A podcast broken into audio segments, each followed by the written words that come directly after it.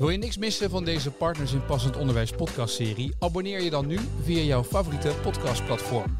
Straatcultuur. Staat het al op je lijstje om voor school er iets mee te gaan doen? En wat is het eigenlijk? Scaffa. S-K-A-F-F-A. Scaffa? Ja, stone. Yes. Stone. Oh. Oké. Als het over straatcultuur gaat, is het vaak negatief. Maar de vraag is of dat nou terecht is. Een 14-jarige jongen is ernstig gewond geraakt bij een steekpartij in Rotterdam-Zuid. De politie heeft twee minderjarige verdachten aangehouden. Is de straat een gevaar voor school of juist een kans? Hoe laat je de straat voor je werken in de klas? Sommige mensen hebben nog wel de illusie van wij willen straatcultuur buiten onze voordeur houden. Ik denk niet dat dat mogelijk is. Ik denk dat, dat, dat het iets is wat jongeren met zich meenemen. Mike Oudewesseling geeft voor EduC trainingen op school over straatcultuur. Met hem gaan we in deze podcast op een ontdekkingstocht. Maar voor we dat doen, wat is eigenlijk straatcultuur? Nou, ik vind het wel goed om te noemen is dat ik ehm, nou, de afgelopen paar jaren meerdere trainingen heb gegeven aan nou, collega's. Samen met een collega van mij. En wat ik daar vaak terug hoor, wat deze vraag stellen wij daar ook. Is dat zij het vaak associëren met criminaliteit of uh, drillrap. Dat soort Positieve. ja, positieve associaties horen wij vaak terug. Maar ik denk dat dat het niet is. Ik denk dat het met name gaat. eh, kijk, het, het is een groep, het zijn groepen jongeren eh, die zich nou, op straat verzamelen. eh, en die daarin bepaalde dingen belangrijk vinden met elkaar. En dan kom je op het stukje van normen en waarden die in groepen belangrijk zijn. En ik denk dat het daar meer over gaat. Het gaat om leefregels met elkaar. Is dat het? Ja, wat, wat vinden wij belangrijk als groep? Waar staan wij voor? Hoe dragen wij dat uit? En nou, dat, dat betekent niet dat het gelijk dan ook criminaliteit moet zijn. Of dat drillrappers allemaal criminelen zijn. Of dat Nee. is met name drillrap. Dat is eh, wat je de laatste tijd natuurlijk heel veel hoort. Het is een bepaalde muziekstroming. Het is een afgeleide van de hip-hop. Ja, dat is wat op dit moment wat de jongeren daar ja, heel interessant vinden, heel leuk vinden. Dus dat is een muziekstijl die bij die- hun cultuur past. Maar je hebt natuurlijk overal, of je nou bij de voetbalclub bent, eh, heb je natuurlijk binnen een team heb je die bepaalde leefregels. Eh, de Hells Angels hebben dat, de politieke partij heeft dat. Kijk maar hè, hoe het gaat bij het CDA met opzicht en eh, die Ja. weer uitstapt omdat de leefregels anders zijn. Ja. Overal gebeurt dit natuurlijk. Ja, ja nee, zeker.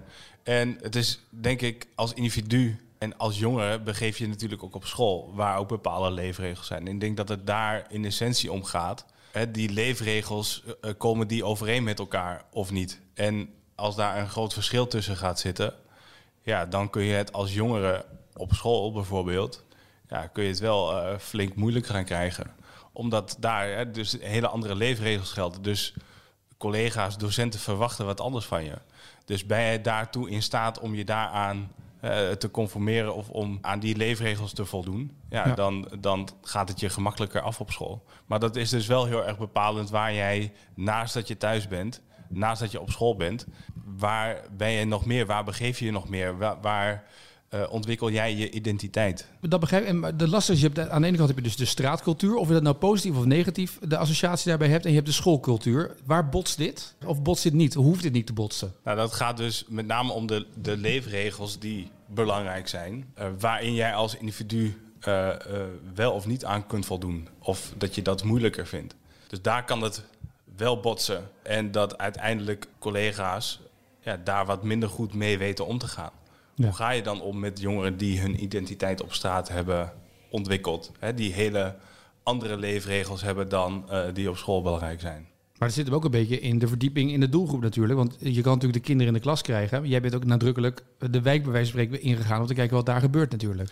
Ja, dat zeker. Ik denk dat, het, eh, dat, dat eh, je moet snappen welke groep je voor je hebt. Dat je daar interesse in moet tonen. Eh, je ze liefde, aandacht en waardering moet geven.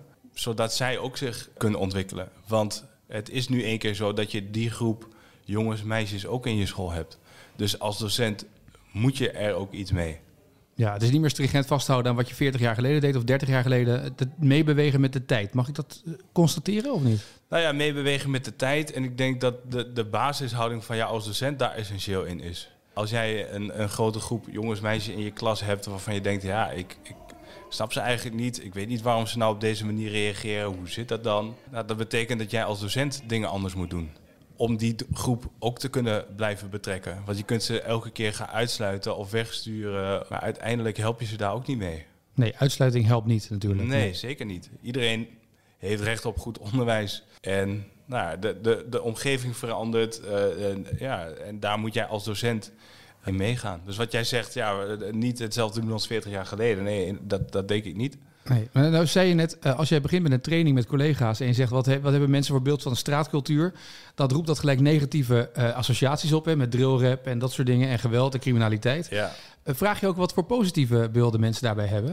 Nou ja, dat is denk ik ook waar het om gaat. En die vraag stellen wij ook. Van wat, wat zijn de positieve kanten en zijn ze er überhaupt? En nou, dan gaan collega's daar natuurlijk heel diep over nadenken. ja, en dan eh, eh, komen er wel een aantal positieve punten uiteindelijk naar voren. En, een voorbeeld daarvan is broederschap bijvoorbeeld. Of eh, het, het voor jezelf opkomen. En dat zijn ja, welke competenties die ze daar ook leren, waar ze in hun vervolgcarrière op school of in hun werk later, waar ze daar wel wat mee zouden kunnen doen. Ja. En het is wel bepalend voor eh, jou als docent hoe je naar die jongeren kijkt. Als jij die positieve punten niet kunt zien, dan nou, associeer je vaak dingen die je van ze ziet met iets negatiefs. En eh, dat draagt niet bij aan een goede relatie tussen die, jongen, die jongeren en jou als docent. Ja, ik kan me voorstellen, als jij kijkt naar een groep jongeren en je denkt drillrap, criminaliteit, dat elke actie die wordt gedaan in een klas of op school of in de gangen van een schoolgebouw, dat je dat gelijk negatief associeert, omdat je dat beeld hebt. Ja, Terwijl als jij zegt het woord broederschap, dan ga je op een hele andere manier kijken naar hoe die jongeren met elkaar omgaan. Ja, ja. En ik denk dat zij dat ook verdienen. Dat er op een positieve manier naar hun wordt gekeken. Eh, zodat ze uiteindelijk in school ook meer kansen kunnen krijgen om zichzelf te ontwikkelen. Ja. Want het gaat vaak, denk ik, wel over buitensluiting. Van of dat docenten een bepaalde groep spannend vinden of niet goed weten hoe ze daarop moeten reageren. Dus ja, dan krijg je al gauw dat ze die groep leerlingen gaan ontwijken. ja, dus de onbekendheid maakt angstig misschien. Je weet niet wat het precies betekent. Ik denk dat dat wel meespeelt. Dat je het niet goed kunt snappen, dat je eh, een bepaald beeld al hebt gekregen door dingen die je misschien op het nieuws ziet, eh, ergens anders in de media voorbij ziet komen. Dat kleurt heel erg je beeld. En dat ja, is denk ik niet eerlijk ten, eh, voor de jongeren. En toch overheerst dat negatieve beeld. Zo werd er door minister Grapperhaus gesproken over een messenverbod. Het mag niet meer op straat of in de openbare ruimte gebruikt worden. Dus je kunt ook niet een mes uit de keukenla meer op straat meenemen. En we gaan echt een verbod eh, op verkoop aan minderjarigen invoeren. We gaan dat gewoon niet meer tolereren. Maar is dat de oplossing, een verbod? Harde regels die van bovenaf worden opgelegd en waar je maar mee te dealen hebt als jongere. Of kan je ook het gesprek aangaan met de jongeren? Heeft dat zin? Nou, ik denk dat het zeker gaat over eh, wat voor afspraken maak je met elkaar. Ik denk dat je daarin heel duidelijk moet zijn wat je als school wel en niet wil zien van die jongeren. En als je daar met elkaar over eens bent, wordt dat wel makkelijker voor de jongeren ook om zich daaraan te gaan houden. Maar met de jongeren dus samen de afspraken maken. Dus niet van bovenaf. Nou, dat zou kunnen, maar ik, ik kan me ook voorstellen dat jij als school bepaalde basisafspraken, ook al is een jongere het daar wel of niet mee eens, Dit is het gewoon. Dit, dit zijn eh, eh, verwachtingen. Dit zijn de manieren hoe wij hier met elkaar omgaan. En dit is wat wij belangrijk vinden. Ja. Maar ik denk dat het er wel om gaat. En helemaal als je op hele grote middelbare scholen werkt, waar je met heel veel collega's bent, kan dit best wel een uitdaging zijn om het wel met elkaar over dezelfde basis eens te zijn. Ehm, en hoe voer je dat vervolgens uit? Ja. Maar dat is wel heel bepalend voor eh, de sfeer die je in school hebt. Zie jij een groepje jongens, meisjes eh, in de kantine ergens staan of in de aula ergens staan die jij niet kent. Dat je denkt, hé, hey, ik weet niet zo goed wat daar gebeurt, maar ik loop er maar omheen, want ja, ik ken ze toch niet en eh, ik vind het spannend en nou, laat ze het maar met elkaar oplossen. Of denk je van, hé, hey, ik loop er wel naartoe, ik geef aan wat ik zie en wat ik van ze verwacht.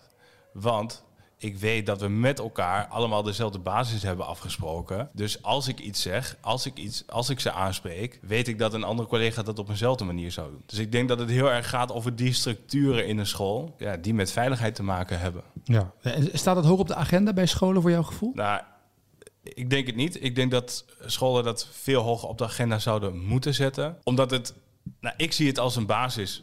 Logisch, scholen zijn bezig met onderwijs. Dat verwacht je niet, maar het is echt zo.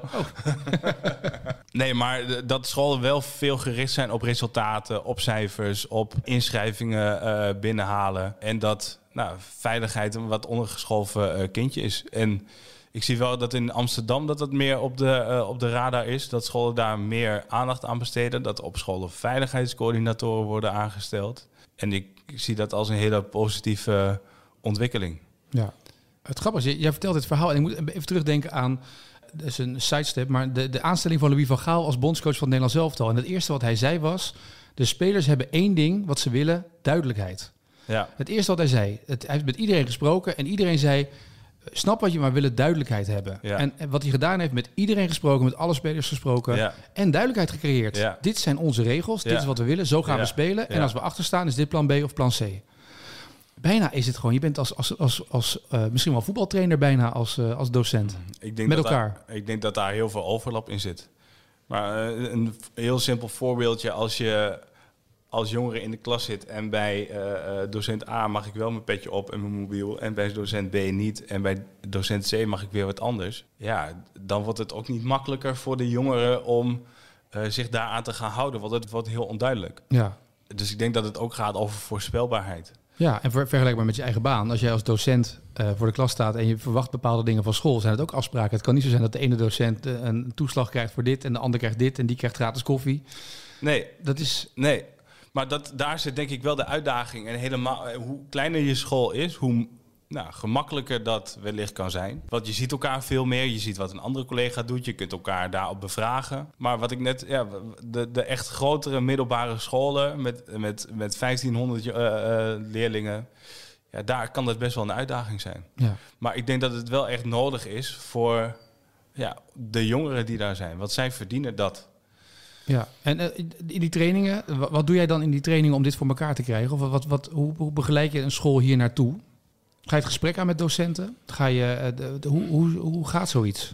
Nou, ik denk dat het, het begin is dat er, ieder- als het gaat over straatcultuur, als het gaat over veiligheid, dat je met elkaar weet waar je het over hebt, dat je hetzelfde vertrekpunt hebt. Dus daarom vind ik het altijd heel belangrijk om met elkaar te bespreken van wat is straatcultuur. Eh, omdat, wat ik al zei, dat eh, door de media worden er andere beelden geschetst. Dus alle collega's die je op een middelbare school hebt, hebben ook een ander beeld van straatcultuur. Ja. Dus eerst met elkaar bekijken van, hey, eh, kunnen we op dezelfde lijn zitten, hetzelfde, hetzelfde vertrekpunt. En hoe gaan wij daar vervolgens mee om? Ehm, en nou, in, in de trainingen is uiteindelijk een boodschap. En dat is denk ik de, de basis waar je moet beginnen, is dat je eh, als docent de verbinding kunt aangaan met deze doelgroep. Ja. Maar de verbinding aangaan en, dat, en stel je ook de leefregels op met elkaar? Of, doe je dat, of ga je daarover praten als je dat begeleidt op een school? Nou, dat, daar zouden we natuurlijk wel bij kunnen helpen. Mhm. Maar dat is niet in een stra eh, training straatcultuur is dat niet het punt waar we, Nee, eh, waar we komen. het is veel meer de verbinding leggen. Uiteindelijk is dat wel wat daarachter zit. Want als je daar dieper op ingaat, hè, hoe ga je daarmee om in de klas, dan kom je al heel snel op de basis van hè, wat vinden wij dan belangrijk in de klas? Ja. Wat verwachten wij van onze jongeren? Dus ja, dat is wel een van de eerste punten die, eh, die daarop volgt. Ja, precies. Maar de basis is eerst eens gaan kijken, wat verdiepen in, in de jongeren, zeg maar, verbinding maken met de jongeren. Ja, dat is eh, als jij een verbinding hebt met, met de jongens en meisjes in je klas, dan kun je ook kun je ze makkelijker begrenzen. Je gaat ze, makkelijk, je gaat ze begrijpen. Je kunt misschien wat beter kijken achter het gedrag wat ze laten zien. Want het komt vaak ook ergens vandaan. Dus je kunt ze veel beter snappen. En eh, als jij dan zegt verbinding eh, maken, betekent dat ook dat ik moet zeggen yo en dat ik in slang moet gaan praten en dat soort dingen? Als docent moet ik ineens een hele hippe docent worden die alle straattaal kent? Ja, nee, dat, dat, dat zeker niet. Het helpt natuurlijk wel om bepaalde gesprekken te volgen in de klas. Of dat je, eh, dat je in ieder geval weet waar het over gaat. Maar ik, nou, als blanke Nederlandse docent, ga niet in één keer straattaal praten. Want het is niet wat bij mij past. Ja, daar prikt de jeugd ook weer doorheen. Daar prikken ze zeker doorheen. Ze, ze- ja, dat, dat, dat zien ze, dat voelen ze. En het gaat erom dat je gewoon dicht bij jezelf blijft. Ik moet trouwens nu bedenken, ik zeg dit tegen jou, maar ik bedenk mij ineens dat wij vroeger op de middelbare school een docent geschiedenis hadden, die al tegen de 60 liep en die probeerde ook inderdaad in de taal van toen, ah, 20 jaar geleden, 25 jaar geleden, probeerde die mee te praten met wat wij dan zeiden, weet je wel. En dat was, de, maar dat kan als je erover, ik moet erop lachen, omdat je, als je nadenkt, denk je, ja, het schiet zo zijn doel voorbij dat, dat we eigenlijk eerder uitlachten, Ja. dat, dat je denkt, Ja. oh ja, wat slim eigenlijk dat Ja. deze man dat doet. Ja, Dat ja. gaat het. Nou ja, dat, dat, daar gaat het wel echt om. Van, hè, blijf, je, blijf je dicht bij jezelf. Het is wel fijn dat je als docent in ieder geval iets kunt snappen van hun leefwereld. Dat is het, weet je. Ja, maar, Daar gaat het om. ja, maar om allemaal te gaan napraten en dan inderdaad voor de klas te staan, yo, en dat te gaan doen terwijl je dat niet zo bent, Nee, nee. dat komt niet helemaal over, denk ik. Dat komt zeker niet over. En Nee. dat, dat, in plaats van dat je dichterbij komt, wordt het gat misschien alleen maar groter qua, om, eh, om die aansluiting te vinden. Maar zie jij wel dat docenten die bij jullie in de training komen daadwerkelijk weten wat er wordt gezegd in de klas? Want ik kan me voorstellen dat bepaalde woorden vrij bepalend zijn voor wat er aan zit te komen. En als jij denkt, oh ze praten hun eigen taal, het is niet, oh wat zeggen ze nou? Terwijl als je het wel weet, kan je misschien wel iets duiden, iets beter duiden. Ja, nou, dus in onze training hebben we ook wat simpele eh, eh, woordjes die wel vaak terugkomen. En in een, in een bepaalde spelvorm komen die dan weer terug. Maar ja, het, het is wel handig om te snappen. Maar dat is nou, ook weer, valt ook weer met de, met de basishouding van jou als docent. Als jij oprecht geïnteresseerd bent en op een moment wat daar geschikt voor is, ook, is, ook een keer zou kunnen vragen van... hey, ik hoor je dit zeggen. Ik heb geen idee, wat bedoel je daar eigenlijk mee? Of Ja. Hè, dan, dan kom je er ook steeds meer achter. En dan nou, ga je wel meer eh, woordjes ook toevoegen aan jouw eh Vocabulaire. woordenschat. Ja, precies. Ja, nee, ja. Ja. Het is wel leuk als je thuis ineens een heel ander woord kan uitspreken, toch? Nou ja, precies. Ja. Ja. Nee, maar uiteindelijk draagt dat ook weer bij aan de veiligheid. Want als jij jongeren in jouw klas iets hoort zeggen en jij kunt dat linken aan, hey, dit gaat over wat ze na schooltijd gaan doen, waar ik geen goed gevoel bij heb, dan kun je daar ook iets mee doen. Ja. En sterker nog, daar moet je dan ook iets mee doen. Wat je daarmee doet, dat is weer de vraag: hoe is het georganiseerd in je school? Misschien kun je naar je veiligheidscoördinator toestappen, die is aangesteld, die daar veel meer mee bezig is. Die je daar een tip over kan geven. Ik zou eh, ouders opbellen of ik zou een jongerenwerker inschakelen. ja. Dus doe er iets mee als je iets signaleert. En die verbinding maken zo maakt het uiteindelijk voor jou als docent dus makkelijker om wat er van de straat, want het komt toch je school binnen, om de straatcultuur te snappen en daarmee om te kunnen gaan als docent, zonder dat het gelijk een bedreiging is. Ja, ja, zeker. En ik vind het wel mooi wat jij zegt, de straatcultuur komt toch. Sommige mensen hebben nog wel de illusie van wij willen straatcultuur buiten onze voordeur houden. Ik denk niet dat dat mogelijk is. Ik denk dat, dat, dat het iets is wat jongeren met zich meenemen. Ja, maar het, het, in mijn beeld, maar jij zit er meer in het onderwijs dan ik, maar volgens mij was het vroeger toch ook al zo. Want vroeger had je de straatcultuur, dat was de, de cultuur van de voetbalclub, die kwam ook de school binnen, want dat klonterde ook samen. Weet je, of de, de sfeer van een dorp, als je met meerdere Ja. dorpen op één school zit, Ja, dat klontert ook samen. Ja. Dus het is er altijd al geweest. Alleen omdat er nu door drillraps of door, door geweld wat er dan eh, in het nieuws komt, maakt het dat we het groter maken. En er komen messen bij kijken op sommige gevallen of dat soort zaken. Het wordt wat wordt meer agressief Ja. benaderd. ja, Maar het is natuurlijk altijd al geweest, toch? ja. ja dat ik kan me nog herinneren dat, we- dat vroeger dat, dat eh, de zakmessen verboden werden op school. Of Ja. dat de boksbeugeltjes die, die ineens kwamen. Dat, vlindermessen had je vroeger ook, geloof ik. Ja, Dat was ineens zo'n hype dat ineens Ja. ninja-sterren die waren ineens. Dat mocht dan ook niet meer. Dat is toch altijd al geweest? Dat bedachten we later. het is altijd al geweest. Alleen de vorm waarin het nu op de voorgrond treedt en waarin de leefregels van die groep Ja. meer afwijken van school. Dat was vroeger zat daar, zat daar misschien een minder groot gat tussen. Tussen die bepaalde leefregels. En hoe groter dat gat wordt, hoe ingewikkelder het voor docenten gaat zijn op een school. Ja. Eh, als ik een training doe, hoe lang, ben ik be- hoe lang ben ik daarmee bezig? Is dat een dag? Is dat meerdere dagdelen? Dat kan verschillen. We hebben wel eens in een, eh, in een uur iets aangeboden, twee uur, het kan drie uur. Dat, ja, dat, dat verschilt. Maar het is natuurlijk wel bepalend in hoeveel we dan eh, eh, kunnen bespreken en be- Ja. kunnen behandelen. Eh, maar dat kan verschillen.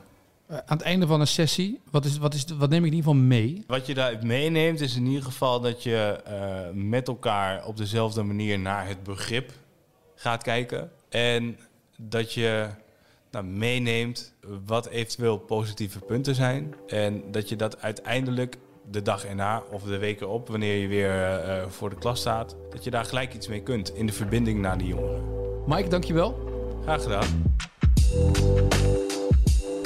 Tot zover deze Partners in Passend Onderwijs podcast van EduC. Wil je de andere afleveringen terugluisteren? Kijk dan op de website van EduC of abonneer je via jouw favoriete podcastplatform op deze serie. Want er zijn nog meer afleveringen over dit thema veiligheid in de school.